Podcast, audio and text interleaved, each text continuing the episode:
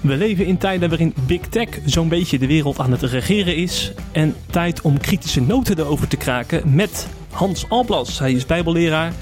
Uh, hij doet meer dingen dan dat, maar daar gaat hij misschien zo wat meer over vertellen. Hij schuift in deze podcast aan om te vertellen waarom hij niet meer actief is op WhatsApp, op Facebook, op Instagram en uh, wat hij dan allemaal nog wel doet.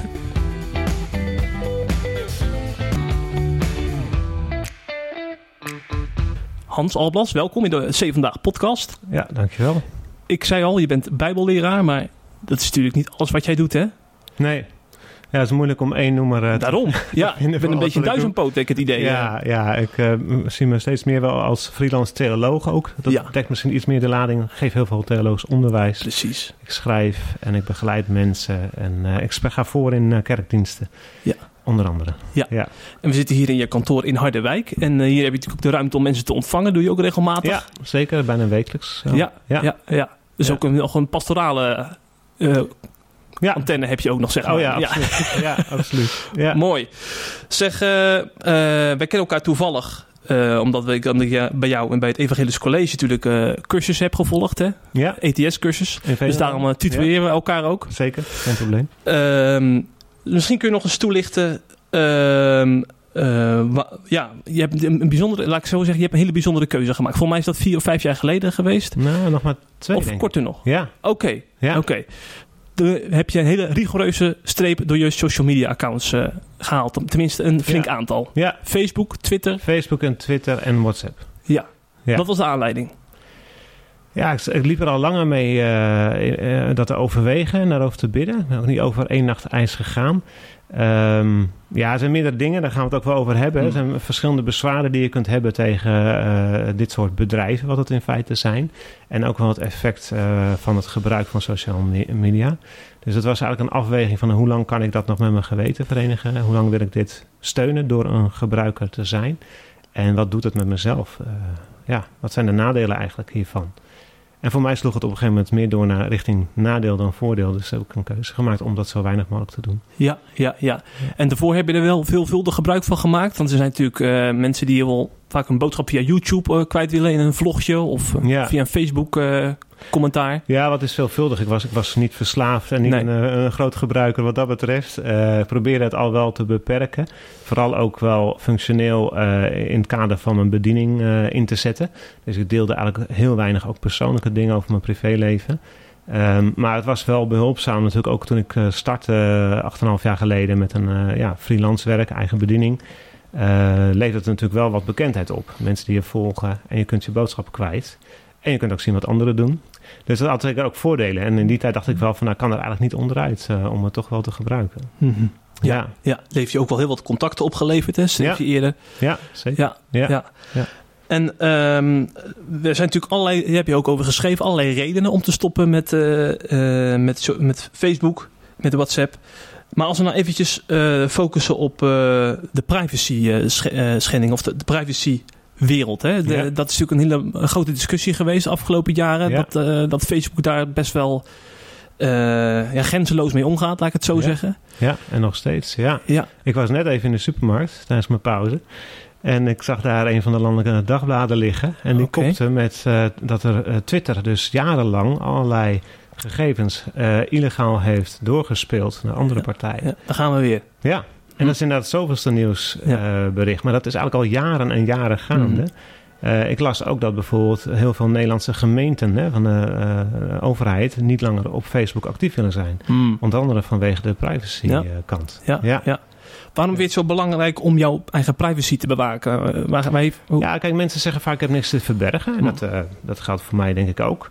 Um, maar aan de andere kant is, waarom zou iedereen alles van mij moeten weten? He, privacy heeft ook iets te maken met je identiteit, met je persoonlijke integriteit. En um, ja, ik, ga ook niet alles wat er in mijn gezinsleven gebeurt zomaar op straat gooien.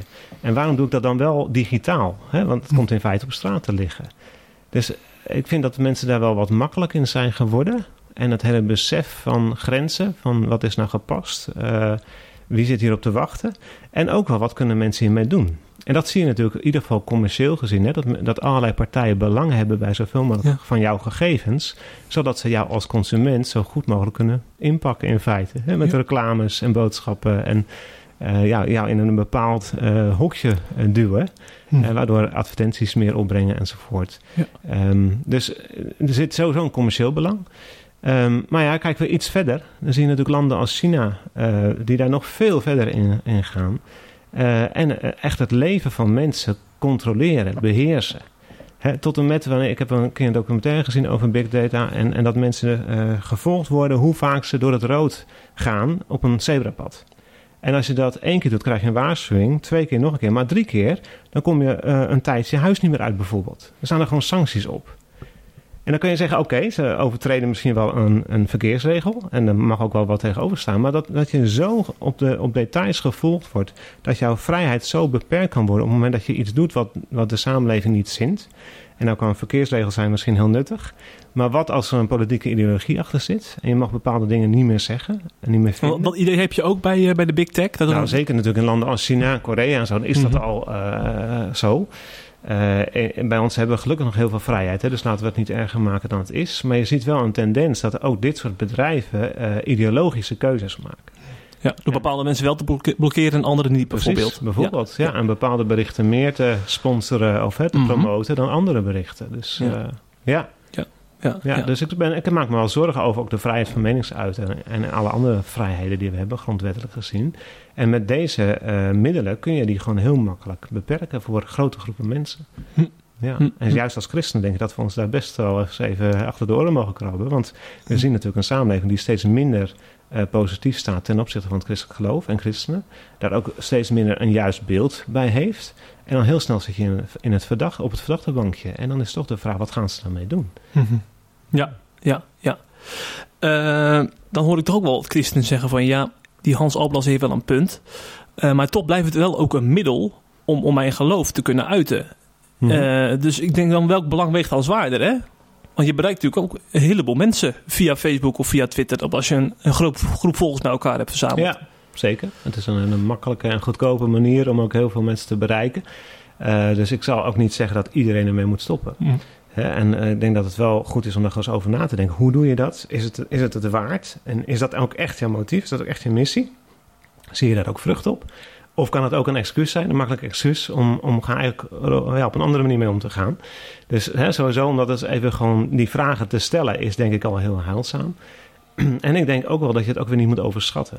Hè, uh, je bereik, um, uh, er worden bubbels gecreëerd. Hè, de, de, de, hele Via de algoritmes bedoel je? Ja, precies. De, hele, techniek is er zo opgericht dat je eigenlijk alleen nog maar gelijkgestemde geluiden uh, volgt en ontvangt. Dus wie bereik je nu precies met jouw christelijke boodschap? Is dat evangeliseren of zijn het vooral je gelijkgestemden? Um, en, en ook wel, is er ruimte voor het hele verhaal van wat je eigenlijk zou willen zeggen?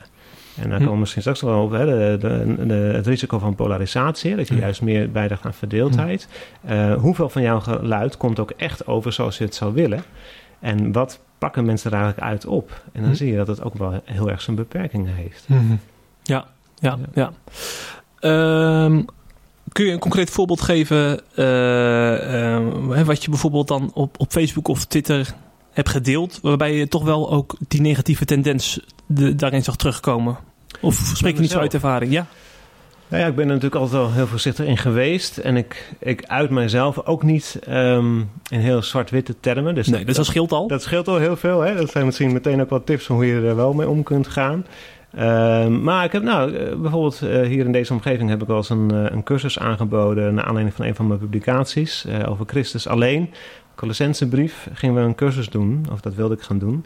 En dan reageren mensen die nou, misschien niks hebben met christelijk geloof, of misschien wel heel veel pijn hebben uh, da daaromtrent. En dan krijg je toch wel hele felle reacties over oh. Jezus en over christenen en de kerk. Ja. En mensen mogen reageren, hoeven het er niet mee eens te zijn. Hè? Het kan een aanleiding zijn om eens met elkaar in gesprek te gaan. Maar als je dan eigenlijk op een open manier het gesprek probeert te voeren, dan wordt het al heel snel toch uh, ja, zeg maar schelden naar elkaar. Hè? Of, uh, gewoon, ja, er worden gewoon dingen over, tegen jou gezegd die, die helemaal niet passend zijn. En ja, er worden je dingen aangewreven waar ik helemaal geen deel aan heb. Hè? En dan kan het hele slavernijverleden of de kolonisatie kan erbij worden gehaald of weet ik wat. Maar een hele ongenuanceerde termen wordt in een heel kort tijdsbestek word je gewoon ergens weggezet. En daar heb je in feite geen verweer tegen. Want ja, ze hebben eigenlijk geen boodschap aan hoe je daar dan op reageert. Ja. En nou, dat heb ik een paar keer meegemaakt dat je echt een nare discussiesfeer krijgt. Waar je eigenlijk alleen gewoon probeert om met elkaar in gesprek te zijn. Hm. Hm, hm. En dat is natuurlijk heel anders dan wanneer je tussen vier muren bijvoorbeeld hier in je kantoor aan het praten bent. Want dan heb je nuance. Precies. En dat is daar dus niet. Kijk, we kijken elkaar in de ogen. Ja, ja. En dan, dan, dat is op zichzelf al een rem om, uh, schof te gaan doen. Ja. Dus je ziet dat mensen, de anonimiteit van internet, dat, dat nodigt al veel meer uit om ongeremd alles maar te uiten. Want je ziet toch niet wie je voor je hebt. Hm. En dat doet iets met mensen. Hè? Je ziet gewoon de verharding daardoor toenemen. En, en ook het onfatsoen, gewoon schelden en het elkaar aan. En ja, gewoon uh, dingen zeggen die gewoon niet waar zijn over een ander. Ja. Ja. ja. dat geldt dus niet alleen volgens jou voor uh, mensen die, uh, uh, bijvoorbeeld christenen die met, met seculiere mensen te maken hebben, maar ook christenen onderling schrijf je. Hè? Mm -hmm. Je zegt dat verschillen worden uitvergroot en dat, dat daardoor ook de gemeente van Christus schade wordt toegebracht. Dus ook christenen onderling die maken ruzie op, op sociale ja. media. Nou, ik denk dat jullie daar alles van weten bij zeven ja. Hoe ook jullie platform Sterker nog, we staan er helaas bij sommigen onbekend. Ja. Ja. Ja. Ja. ja, en dat zie je ook wel gebeuren. En dat vind ik ook wel zorgelijk, uh, mm -hmm. ongeacht jullie intenties. Maar ik zie wel dat dat soms op die manier gebruikt wordt door, uh, door jullie Ja.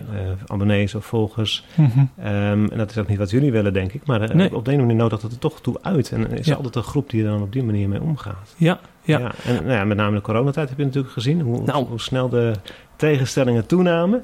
En een goed gesprek daarover soms nauwelijks meer mogelijk was. Ook, ook binnen kerken, binnen gezinnen en families.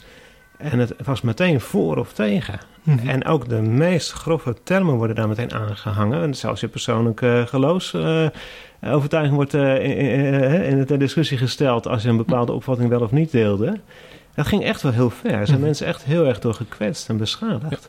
En in hoeverre is dat, zijn dan de sociale media een eh, katalysator hierin? Want je zou ook kunnen zeggen van ook zonder die sociale media zijn christenen ook verdeeld. Ja, maar ik denk dat je echt ziet dat het inderdaad een katalysator is. Hè? Dus de verdeeldheid is er altijd geweest. Ehm, maar wordt versterkt door die anonimiteit. Eh, en ook wel door ehm, hoe, ze, hoe zo'n medium werkt. Hè? Je hebt maar beperkte ruimte. Het moet allemaal snel. En, en, en hoe eh, sterker je uitdrukt, hoe meer je opvalt. Hè? Hoe beter je gelezen en geliked wordt. En dat is weer interessant voor adverteerders. Ja. Hè? Dus we weten van Facebook dat ze gewoon ehm, extremere opvattingen meer doorlaten door de filters heen. Omdat de advertenties die daaronder hangen gewoon meer opleveren. Dus eh, er zijn bijna, nou, er zijn zo goed als oorlogen in Afrika door ontstaan. Door, door, door mensen die zo eh, bevestigd werden in hun, hun gewelddadige ideeën. Of het idee van we moeten nu in opstand komen, want dit gaat helemaal mis. Terwijl als je het echte verhaal zou weten, dan, dan, dan ligt dat allemaal veel genuanceerder. Mhm. En dan zou je juist de verbinding kunnen zoeken met elkaar. Ja, ja. Dus het, het is gewoon al uit onderzoek eh, gebleken dat, dat Facebook daar echt een rol in heeft. Ja. Rondom verkiezingen eh, Mhm. en rondom eh, zelfs oorlogssituaties. Ja, ja, Ja. het is ook voor ons inderdaad een hele gevoelige snaar. Want wij delen op Facebook allerlei verschillende soorten artikelen. Dus het kan ook een inspirerend artikel zijn met iemand die zijn getuigenis deelt. Hè? Ja. Maar dan deel je daar, eh, twee uur later deel je een artikel wat discussie oproept. Hè? Ik noem maar wat over eh, eh, de doop bijvoorbeeld of zo. Hè? Waar heel veel christenen verschillen, verschillen van mening over hebben. Ja. Maar daar wordt dan zoveel meer op gereageerd. Waardoor het ook veel hoger in jouw timeline komt. Ja. En dat inspirerende verhaal helemaal ondergesneeuwd raakt. Dat is, en daar heb je dus als medium geen invloed op, hè? Mhm. ja. Ja, ik vind het wel een interessante vraag ook. Van, eh, Ja. hoe, hoe zou je daarmee om willen gaan, ook als C vandaag? Hè? Ja. Misschien je- sommige dingen niet posten misschien. Ja, kun je dat temperen? Kun je dat ergens toch kanaliseren? Ja. Eh, in hoeverre eh, speelt het jullie ook in de kaart? Omdat jullie ook al mede afhankelijk zijn van eh, advertentieinkomsten. Ja. Dus ehm, eh, ongewild of onbewust hè, Mhm. levert het toch ook wat op. Ja. Eh, en zou je daar ook andere keuzes in kunnen maken? Ik weet het niet hoor. Wat ik, Ja, dat zijn- eh, zijn goede vragen Ja, het is, niet, het is mijn, niet mijn vak, hè, dus ik eh, ga geen eh, advies geven daarover. Maar ik zie het wel gebeuren. Ja. En dan denk ik, Ja. je hebt daar wel een verantwoordelijkheid in, ook als Mhm. medium. Hè? Mhm. En je kunt zeggen, ja, we zijn eh, een platform en om de discussie eh, te faciliteren en om Ja. dingen aan de kaak te stellen. En dat wil ik ook wel geloven. Maar als je ziet hoe het soms, soms onbedoeld ook toch een ander Mhm. effect heeft. Ja. Ja, hoe zou je dat dan zo kunnen inrichten dat dat, dat, dat effect geminimaliseerd wordt? Ja. Ja. Ja. Ja. absoluut. Dat zijn vragen die voor elke christelijk medium relevant zijn. Ja. ehm, ja, in die, in die zin ehm, eh, is het natuurlijk ook wel de vraag eh, of, u, of u überhaupt nog om deze big tech heen kunt. Hè? Want wa- zoals wat je zegt, eh, om overeind te blijven, niet alleen financieel, maar ook om gewoon on- bij mensen onder de aandacht te blijven, heb je ook gewoon Facebook en Twitter nodig. Mhm. Dus het is, heel, het is echt een hele moeilijke hè, die je hier aanstipt. Ja, kijk, ik kom bijna in de situatie zoals het ook in de slavernij is geweest. Hè? Een Ja. paar eeuwen terug. Ook, eh, nog niet eens zo heel lang geleden. Slavernij was ook onmisbaar geworden voor de economie. Ja, moet je kijken. Ja. En heel veel mensen hebben ook gezegd, ja, dat kan je nooit afschaffen. Want dan, gaan we, hè, dan verliezen we al onze welvaart en alles wat we hebben verworven. En voor een deel hadden ze nog gelijk ook. Ja. Maar, maar is dat dan een legitimatie om het maar in stand te houden? Ja. En het bestaat bij de gratie van de gebruikers. Dus op het moment dat de ge- gebruikers zeggen, maar op deze manier willen we dat niet meer. We moeten een alternatief komen. Ja, dan hebben ze geen macht meer. Ja. Dus het is, ze hebben zoveel macht en invloed als wij ze geven. En over alternatieven gesproken, zijn die er? Want jij zit toch ook op een ander kanaal? Ja, nou, voor WhatsApp heb je dan Signal. Mhm. En eh, dat, dat is in ieder geval niet van eh, Facebook. En eh, is veel beter beveiligd. Gaat veel zuiverder om met, met privacy. En heeft niet hetzelfde belang als eh, WhatsApp, en WhatsApp en Facebook. Dus dat gebruik ik als alternatief. Met het nadeel natuurlijk dat er veel minder mensen dat ook gebruiken. Dus je mist ook een deel van je contacten. Die zitten daar niet op. Nou heb je gewoon nog sms. Hm. Goede oude sms. Dat werkt ook gewoon heel goed. En met de meeste databundels of eh, telefoonbundels heb je er ook helemaal geen last van. Hoef je er niet eens extra voor te betalen. Dus eh, prima alternatief. Werkt eigenlijk inmiddels ook helemaal hetzelfde met smileys en alles. Dus je hoeft echt niks te missen. Je kunt alleen geen groeps-sms aanmaken, geloof ik. Maar, Nee. Eh, en ik ben nog wel actief op LinkedIn. Nou, LinkedIn eh, dat is van Microsoft. Het zal ook niet helemaal bloedjezuiver zijn. Maar in ieder geval ehm, ja, he- heeft het minder ehm, de naam dat ze heel eh, slecht omgaan met privacyregels. Ja. En, eh, is ook geen discussieplatform, hè? Nee, mij. het wordt het wel Ja. steeds meer. Hè? Dus je ziet allerlei items voorbij komen en denk dat hoort hier eigenlijk niet. Het zou meer zakelijk moeten zijn, hè? over je, je beroepsmatige activiteiten. Nou, wat, is, wat is zakelijk, wat is privé? Dat, ook in mijn geval is dat heel moeilijk eh, te scheiden. Eh, dus dat daar, dat daar iets ruimte zit, dat vind ik wel oké. Maar je ziet er wel veel minder de heftige discussies Mm. over allerlei actuele thema's voorbij Ja. komen. Ja, ja. Ja. Oké. Oh ja, WhatsApp, dat vind ik ook wel interessant, hè? Want eh, ja, ik zit in tig groepsapps zit ik, hè? Van de familie, van de kerk. Ja. Eh, en zo kan ik nog wel een tijdje doorgaan. En ik, ik zit met te denken, als ik daarmee zou stoppen, dan, dan zou ik eh, gewoon niet weten hoe ik op de hoogte blijf van iedereen. En, en, en ze gaat er een hele wereld aan mij voorbij. Mm. Is dat niet een ding voor jou geweest? Nou, ik, ik mis het niet. Hm. ik heb ook niet het gevoel dat ik heel veel mis. Dus de enkele keer dat iemand mij eh, heeft geappt en niet door had dat ik er niet meer eh, op zit. Want dat kun je dan niet zien op het moment dat je een berichtje stuurt. Als je een account hebt gehad, dan ben je gewoon nog te vinden. En dan... eh, en dan, daardoor heb ik wel een keer gemist dat iemand te laat was, of weet ik wat, dat een afspraak verzet werd. Nou ja, dat kan een keer gebeuren, maar dat kan ook op andere manieren gebeuren. Het enige wat ik wel jammer vind, hè, inderdaad een familie-app van mijn eigen familie. Ja, dan mis je soms wel bepaalde berichtjes en fotootjes en zo. Dus ik ben wel iets minder op de hoogte. Ehm, maar dat is ook wel zo'n beetje het enige. En voor de rest levert het me gewoon heel veel rust eh, op. Want hoeveel van die berichten zijn eigenlijk niet zo relevant. En verstoren eigenlijk maar alleen maar je concentratie op het moment dat ze binnenkomen. Ga je toch weer even kijken, nieuwsgierigheid. Eh, dingen die in een hele grote groep worden gedeeld, die eigenlijk maar voor één of twee personen bedoeld zijn. Eh, me- mensen die het soms ook gewoon gebruiken hè, om allerlei eh, dingen door te linken en filmpjes, video's. Ja, ook in mijn functie wordt daar, werd er best wel eens gebruik van gemaakt. Van ja, heb je dit al eens gezien? Wat vind je hiervan? Ja, nou, niet zo'n behoefte om daar allemaal mee bezig te zijn. Hm. Dus het geeft ook wel heel veel rust eigenlijk. Ja, ja. Ja. Hm, Ja, dat was voor mij een van de belangrijke redenen ook. Van, hè, mijn werk vereist gewoon heel veel concentratie en stilte om het te kunnen voorbereiden, of om in gesprek te zijn. Eh, en dan, ja, niets menselijks is mij vreemd, dus ik ben ook nieuwsgierig. Ik ben, eh, eh, welk berichtje komt er nu weer binnen? Heb ik alle meldingen al uitgezet, maar dan ga je toch regelmatig checken. En ik merk, ja, hoe minder ik van die dingen gebruik, hoe, ja, hoe minder er te checken valt. Dus dat, dat remt het gewoon af. Hm. Ja. Hm, hm, hm. Ja, en met LinkedIn heb ik het nu zo dat het sinds, sinds een tijdje dat ik zeg, nou, ik heb drie dagen in de week dat ik LinkedIn eh, bekijk. De andere dagen niet, zeker niet op zondag. Eh, en drie dagen in de week, de andere drie gebruik ik dan om nieuws eh, te lezen. Dus ook niet elke dag. Gewoon om mezelf, om dat maar wat af te remmen en eh, wat meer rust in mijn hoofd te krijgen. Hm. En dat werkt heel goed. Ja, ja, Ja. ja. ja. Ja. Je hebt het volgens mij in een interview bij, bij ons ook vergeleken met roken, hè? Social media. Van, Ja. vonden we vroeger ook, maar normaal zat je met een sigaartje zat je in de tv-studio. En nou is het not dan om Ja. met een, eh, sigaretje ergens eh, gesignaleerd te worden. Ja, je ziet precies, denk ik, hetzelfde fenomeen. Dat mensen heel lang dat toch hebben ontkend. Hm. Hè, en eh, de tabaksindustrie daar ook erg zijn best voor heeft gedaan... om allerlei zogenaamde wetenschappelijke publicaties en onderzoeken de wereld in te sturen... die zouden aantonen dat het zelfs gezond zou zijn voor je. Echt zover zijn ze gegaan. Kun je allemaal navinden. Uh, terugvinden. Maar uh, iets dergelijks vind ik hier ook wel. Dat toch, een, ja, toch wel een beetje de kop in, de zand, in het zand steken. Iedereen weet het eigenlijk wel. Maar niemand wil er vanaf. Ja. Ja, En, en dat is gewoon het punt. We, we zijn er eigenlijk al afhankelijk van geworden. En um, ja, blijkbaar is het ons toch waard om dat maar gewoon hm. door de vingers te zien, alle nadelen. Ja. En, en dat vind ik met name, als christen heb ik daar wel moeite mee. Ik het gaat mij niet om, om te zeggen wat iedereen moet doen of vinden. Maar denk er op zich minstens gewoon eens goed over na. Durf die kritische vragen eens onder de ogen te zien. En maak je er niet te makkelijk vanaf. Net zo goed als dat er nu pas echt een bewustwording uh, is gekomen um, rondom uh, moderne slavernij. Dat je zegt van, hé, hey, maar hoeveel mensen werken voor mijn kleding in erbarmelijke omstandigheden? Of voor alle andere producten die ik gebruik. Kinderarbeid. En hele, hele trieste, schrijnende situaties. Ja, we hebben ook heel lang eigenlijk gedaan van, nou ja, dat is ver weg, kan er niks aan doen. En dan moet de industrie maar oplossen of zo, of de politiek. Maar je hebt daar zelf een verantwoordelijkheid in. Nou, dat vind ik hier ook. En ja, durf je dat gewoon onder ogen te zien en daar ook je keuzes in te maken. Ja. Ja. ja. ja, want ik, ik, ik zit dan nog in de jonge kinderen. Mijn, zoontje wordt drie, mijn, mijn dochtertje die is een half jaar. Dus dan heb je nog wel eens gebroken nachten, hè? Ja. En dan, uh, ja, dan is toch de verleiding heel groot om als je dan even niet in slaap kan komen, toch eventjes je, je Twitter-timeline te checken. Ja. Eventjes uh, ja. je hoofd te vullen daarmee. Maar het is dus aangetoond dat dat niet gezond is nee. voor je hersenen, hè? Nee. Dat is ja, zo, ja. En toch doe je het dan. En toch doe je het dan, ja. En dat is maar één manier om te stoppen, dat is te stoppen. Hm. He, dus daar ben je zelf bij. Is een bepaalde discipline, weet je. En dat doet, het doet dus ook iets met je. Hè. De, enorme zuigkracht die erin zit, uh, verzwakt eigenlijk ook je wilskracht.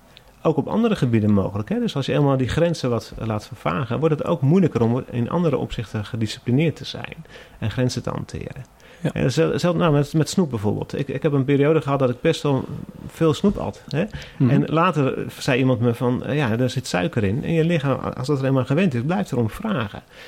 En ik zag het verband niet met, met een gezond geestelijk leven. Totdat iemand me dat een keer liet zien en uh, vertelde. Maar uh, laten we nou eerst eens stoppen met dat, met dat snoepen. Hè? En doe dat alleen in gezelschap op bepaalde dagen, niet door de weeks. En ik heb gewoon gemerkt, als ik daar gedisciplineerd in ben, kan ik dat ook in mijn gedachten leven. Kan ik dat ook in mijn stille tijd. Kan ik dat ook op andere vlakken van mijn leven. Dus ook, het doet ook iets met je geestelijke gezondheid, met je geestelijke vitaliteit van je geestelijk leven. Hm. En dan hebben we nog niet gehad over de tijd die het rooft in feite, die je ook ergens anders en aan andere mensen zou kunnen besteden. He, dus echte ja. oprechte aandacht voor de mensen die op dat moment in jouw aanwezigheid zijn, in jouw huis. He, die leidt wel eens onder het feit dat we allemaal met onze mobieltje zitten. Of hm. als je met openbaar vervoer rijdt, Zo. vorige week ook nog een keer. Iedereen op het perron en in de trein zit allemaal met zijn mobieltje. Ja. Maar onderling contact is er haast niet. En daar zijn we iets kwijt aan het raken, ook als samenleving. Dat je gewoon met mensen die je helemaal niet kent, gewoon een praatje kunt maken, interesse kunt tonen. Um, dat zou zoveel verbinding kunnen geven. Eenzame mensen die reizen, oudere mensen of oh, jongeren kunnen ook eenzaam zijn. En die reizen met de trein en iedereen zit in zijn eigen kokonnetje met zijn eigen apparaatje. Hm. Wil je dat? Wil je zo'n samenleving? Ja. Ik denk dat we over tien jaar of vijftien jaar kijken we achterom en denken, hè? zijn we zo gek geweest? Serieus hoor? Ik echt dat, dat we er nog wel eens achter komen. En dan heb je het over je gebedsleven. En hm. ik, uh, die tijd heb ik ook gehad. Ik heb een telefoon ligt naast mijn uh, stoel waar ik uh, eigenlijk kom voor stille tijd. En mijn Bijbel ligt er ook. Wat pak je nou sneller? Hm. Hoeveel tijd besteed ik aan Bijbel lezen en bidden? En hoeveel tijd besteed ik aan Facebook of Instagram of WhatsApp, nieuws? Ja. Hm. hm het gekke is, ik, ik weet dit dus wel, hè, maar dan, dan kom je s'avonds thuis, dan heb je de hele dag gewerkt. Dan zijn de kinderen zijn een beetje chagrijnig geweest. En dan heb je uh, zo'n zin om even uh, gewoon een, een, uh, een YouTube-filmpje te kijken ja. wat nergens over gaat. In ja. plaats van die Bijbel in te duiken. Alsof dat, alsof dat een hogere drempel is, zo voelt het op dat moment. Maar dat is het ook. Ja. ja, dat herken je. ja, zeker. En nog steeds hoor. Ik, wil niet, ik ben geen heilig boontje en ik vind het nog steeds lastig. Ook dat met name het internetnieuws vind ik van, soms wel lastig om dat te beperken. Dat heeft voor mij hetzelfde effect van deels ontspanning. Even met andere dingen bezig zijn dan waar ik die dag mee bezig ben geweest. Of al zoveel mee bezig ben.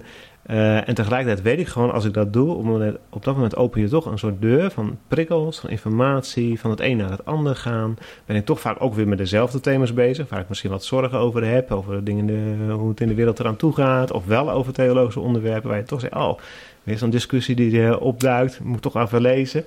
En, en, dan kom ik gewoon niet tot rust. En als ik dat s'avonds doe, dan slaap ik er gewoon slecht van. Ik ga later naar bed en uh, vind minder rust. Dus nou, er zijn nog steeds wel momenten dat ik denk, dat had ik beter niet kunnen doen op dit moment. Maar er zijn ook steeds vaker momenten dat ik denk, ah, wat goed, ik heb gewoon een boek gepakt.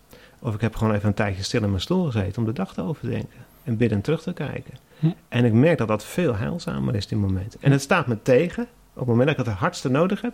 Dat is het gekke, we zitten heel raar in elkaar als mensen. En dan staat het je vaak het meeste tegen. En, dat, en dan te leren dat te herkennen. Denk, hé, hey, waarom staat me dat niet zo tegen? Waarschijnlijk omdat ik dat heel hard nodig heb. Dus als je het omkeert, kun je die momenten van, van ja, die drempel eigenlijk benutten en zeggen: Oh, wacht even. Dit is niet gewoon ontspanning. Ik zoek iets. Ik zoek misschien wel iets meer dan alleen ontspanning. Misschien is er wel een soort leegte in me. Uh, of een frustratie of een ergernis. En is dit nou de manier om daarmee om te gaan? Gaat dit me nou verder helpen? Uh, rijdt God niet veel mooiere dingen aan? Hm? Kom in zijn tegenwoordigheid. Aanbid hem. Zet een mooie aanbiddingscd op. Hm. Of lees een goed boek over, over, over, over de Heer en over mooie mensen. Ja, ja. En dan voed je je ziel met veel betere dingen. En wat, wat, zijn nou, wat is nou een praktische tip die mensen daarbij kan helpen? Ik noem maar wat. Sommige mensen zijn geholpen bij echt een, een, eh, een afzonderlijke ruimte. Hè? Dus dat je niet in de woonkamer eh, zit met, prikkels, maar dat je je afsluit bijvoorbeeld. Ja, dat doe ik ook. Ja. ja in ons geval is dat de zolderverdieping. Oh, ja. Uh, en dat is een beetje mijn plekje. Een prima stoel. Uh, die is nog van de opa van mijn, van mijn vrouw geweest. Weet je, dat is een erfstuk. Maar ik, ik zit daar en dan kan ik me echt afsluiten. Ik kan me echt afzonderen. Dus dat is inderdaad een eigen ruimte voor de tijd van gebed en bezinning, maar ook van rust en ontspanning. Uh, dat helpt. Sommige mensen hebben het echt nodig om te ontgiften, hè? De, hm? de, detox te doen. Het is toch een soort van verslavende gewoonte geworden. En die is soms heel moeilijk te doorbreken. En dat kan soms alleen maar door daar heel radicaal in te zijn. Dus als je echt denkt van ik heb het niet meer in de hand, ik kan het niet meer stoppen. Of, of zelfs maar beperken. Uh, dan zijn er zelfs apps, hè? de digitale detox bijvoorbeeld. die kun je gewoon downloaden, die je gewoon beperkt daarin. En een slot zetten op, op al die apps. Ah. De tijd die je daaraan kunt besteden bijvoorbeeld. En anders moet je hem gewoon een keer echt even helemaal wegleggen voor een periode. En uh, alleen als telefoon gebruiken bijvoorbeeld uh, overdag tijdens werktijden bijvoorbeeld. Noem maar wat hè. Dat je, dan moet je echt uh, streng zijn. En, en wat ook heel erg helpt is een, ja, is helaas geen goed Nederlands woord, maar een accountability partner. Hè, dus iemand die met jou meekijkt. Ja, wie je verantwoordelijk Een soort buddy. Ja, een buddy. Ja. En is het Jona, hè, met een Y, die uh, dat voor jongeren heeft ontwikkeld ook. Oh ja. Een website en een app. En, uh, waarbij je elkaar ook gewoon mee laat kijken en zeggen... joh, ik vind het lastig, ik kan het niet alleen. En niet om elkaar de maat te nemen, maar juist om elkaar te ondersteunen. En dan mhm. gewoon eens te vragen, joh, hoe is het deze week gegaan? Of hoe is het de afgelopen tijd gegaan? En um, ja, mag ik voor je bidden als het niet lukt? Weet je? Hm. Om elkaar te steunen daarin. Ja. Ja. Ja, ja, ja, dat zijn goede tips inderdaad, ja. Ja. ja. Ik, ik moet ook even denken aan, uh, aan, bericht, aan een berichtje van, het van de Evangelische Hogeschool in Amersfoort. Die hebben dan op een gegeven moment besloten dat uh, iedereen die uh, de school binnenkomt, dat ze dan een telefoon in een kluis moeten doen. Hè? Dat ze ook op, op, die manier het klimaat willen bevorderen in de eigen school. Ja. En ze zien echt positieve effecten. Hè? Dat mensen veel meer relationeel bij elkaar betrokken zijn en zo. Ja, geloof ik echt. Dus het heeft echt resultaat. Heel, heel goed, goed initiatief. ja. Ja, ja. volgens mij ook reformatorische scholen die het ook steeds vaker doen. Calvijn-colleges daarmee bezig. Ja. ja, veel basisscholen kennen dat ook wel volgens mij. Dat je bij de ingang toch dat moet mm-hmm. inleveren. Mm. Ja, nee, dat zou een heel goed idee zijn. Ja. Ja. Denk je ook dat dat in de kerk al nodig is? Of zie je nog niet echt mensen tijdens de dienst uh, andere dingen doen? Nou, nou, andere dingen weet ik niet goed. Want dat kan je natuurlijk niet altijd zien. Maar uh, het lastige is natuurlijk wel dat er steeds meer digitale collectors plaatsvinden. Oh ja. Waarbij je dan weer je QR-code of je gift-app of iets dergelijks uh, nodig hebt. Uh, of dat mensen gewoon een Bijbel-app erop hebben en niet meer een eigen eh, papieren Bijbel ja. uh, bij zich hebben. Hè? Dus, Vind je dat ook armoede, dat het, dat het via de app gaat? Maakt het nee, niet, niet per se. Nee. Ik gebruik hem zelf ook heel veel oh, daarvoor. Ja. Um, dus het kan ook heel handig zijn. Nee, de, kijk, daar moet je dan ook weer niet wettisch in zijn. Hè? Dus hoe gebruik je hem? Uh, voor welke doeleinden? Met welke motieven? Dat is eigenlijk belangrijker dan hm. dat je strikt gaat zeggen dat kan wel, dat kan hm. niet, denk ik. Hm. Ja. Uiteindelijk, daarom wil ik daar ook mee uitkijken, weet je, dat, dat, dat het een heel moralistisch verhaal gaat worden. Uiteindelijk moet ieder voor zijn eigen geweten overtuigd zijn. het is meer dat je elkaar de vragen kunt stellen, elkaar op, op de risico's kunt wijzen. En zeggen, ja, heb je daar wel eens over nagedacht? En hoe ga je er dan zelf mee om? Dan dat je echt kunt zeggen van nou, op de manier waarop ik het doe, dat is de enige en de beste manier. Daar geloof ik niet in. de, de dit zijn niet de essentiële zaken van het geloof. Dit zijn dingen die kunnen helpen of tegen kunnen werken. En dat is ook heel erg individueel uh, uh, verschillend. Ja. dus de een kan veel meer prikkels aan dan de Klopt. ander. Ja. En, en, en de een eh, is veel sterker in discipline dan de ander. Dus Mhm. ook kwetsbaarder voor verslaving, of niet. Hè? Dus eh, het is ook maatwerk. En uiteindelijk moet je dat zelf kunnen verantwoorden. Voor Hm. jezelf, naar de mensen met wie je samenleeft. En eh, hè, voor de gemeenschap, samenleving en voor God. Dus uiteindelijk is dat je gewetensovertuiging. Ja, Ja, ja. Ja. Heb je nou eigenlijk het idee dat jij een beetje de uitzondering bent, hè? Met een leven dat lijkt zonder... wel. Ja, het feit Ja. dat je er weer op terugkomt eh, voor een tweede interview hierover. Ja, nee, precies. Eh, maar ook wel, dat heb ik ook wel gemerkt toen, dat, eh, toen ik daar zelf iets over had gezet in mijn nieuwsbrief en een artikeltje op mijn website had geplaatst. had ik direct daarna, de zondag dat ik ergens sprak, dat er mensen naar me toe kwamen. Ze joh, het is echt opgevallen. Je houdt me wel een spiegel voor. Ik moet er ook eens over nadenken. En niet één, maar een aantal mensen die zo reageren, of cursisten van, eh, van de EC Bijbelcursus, eh, zoals die nu heet. eh, die dan toch echt wel daarop reageren. Dus ja, je merkt wel dat het vrij uitzonderlijk is. Hm. Ja. Hm. En dat heeft me juist extra gemotiveerd. Ik denk, nou, Ja. dan is het niet alleen voor mezelf. Maar dan mag ik misschien daar ook een geluid laten horen wat anderen aan het denken zet. En wellicht ook anderen helpen om go- goede, gezonde keuzes hierin te maken. Ja. ja. Ja, ja. En voor mensen die jou eh, willen benaderen, blijf je bereikbaar via e-mail, telefoon. Bij voorkeur e-mail. Ja, En dan kan ik zelf kijken wanneer ik het beantwoord. Ja. Of het uitkomt. Ja. Telefoon kan ook. Staat ook gewoon op mijn website. SMS kan eventueel. Maar dat gebruik ik liever echt alleen voor korte berichtjes. eh, meest in de privésfeer. Maar eh, hè, of een afspraak eh, als iemand wat later is of zo. Maar ik, ik vind e-mail eigenlijk een hele prettige. Hmm. Dan kan ik eens even rustig lezen. Ja. Wat wordt er echt bedoeld? En snap ik het niet? Of denk ik, dit gaat niet goed overkomen als ik hierop reageer? handig, ja. Dan ga ik bellen. Dan kan ik hier even Oh, ja. Want dat, dat heb ik ook wel heel sterk geleerd. Hè, dat heel veel dingen eh, waar, waar een emotionele lading aan zit... moet je eigenlijk gewoon niet via dat soort media doen. En kun je elkaar veel beter persoonlijk spreken. En dan Dat is de telefoon ideaal. Of elkaar opzoeken. Zeker als er meer te bepraten valt. En dat doe ik eigenlijk eh, bij voorkeur. Als, zeker als het een beetje spannend wordt hè, in een relatie of een onderwerp. Doe ik veel meer tegenwoordig. Hm. Ja. Hm. En dat is ook wel leuk. Toen ik stopte met WhatsApp belden mensen me ook sneller. Ook om iets af te spreken of iets korts eh, te bespreken. En dan heb je toch even een ander soort contact. Zeker. Persoonlijker. En dan heb je, voel je toch meer die verbondenheid. Ja. Dus Ja. dat, eh, Ja. ja. Ik, eh, Grappig om te er lekker merken. verder. Ja, ja. ja, ja. Ja. Voor mensen die je willen volgen, die kunnen zich abonneren op de nieuwsbrief van Omnicus, hè, Ja. heet het. Ja. Omnicus.nl. ja, als je op je website, kijkt, omnicus.nl kun je abonneren op mijn nieuwsbrief. Komt eh, vier tot zes keer per jaar ongeveer.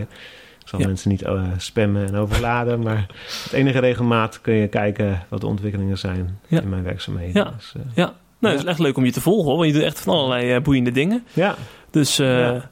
Misschien eh, dat we eh, over een tijdje maar weer eens terug moeten komen over weer een ander onderwerp. Hè? Want nou, dat kan zo je hebt ook verstand eh, van, bepaalde, van de brieven van Paulus bijvoorbeeld. Hè? Heb je ons over geschreven? Heel veel verschillende. dus we kunnen nog een tijdje doorgaan. Ja, zeker. zeker, zeker. Ja, maar in ieder geval, ik vind het fijn eh, om hier geweest te zijn. Dat je ons weer aan het denken hebt gezet. Ook mijzelf aan het denken hebt gezet. Want ik ben natuurlijk een eh, jonge vader van twee jonge kinderen. En ik moest dadelijk ook de keuze maken. eh, ga ik ze een smartphone geven en hoe ga ik daarmee om? Ja, Dus dat is ook Ja. spannend. ja, precies. Ja. En dan weet ik dat je altijd kan mailen Ja, voor tips. of bellen. Of bellen. Ja, ja zeker. Ja, zeker. Super Hans. Ik zou zeggen, maak er nog een hele mooie dag van. Zegen ook eh, Dankjewel. in je bediening verder. Dankjewel. En ja. alle luisteraars zou ik willen zeggen, eh, volgende week zijn we weer terug met een nieuwe podcast. Wees er dan weer bij. En bedankt voor het luisteren. Hopelijk heb je genoten van deze C Vandaag podcast. Volgende week is er een nieuwe aflevering. En blijf via cvandaag.nl op de hoogte van het laatste nieuws uit Christelijk Nederland.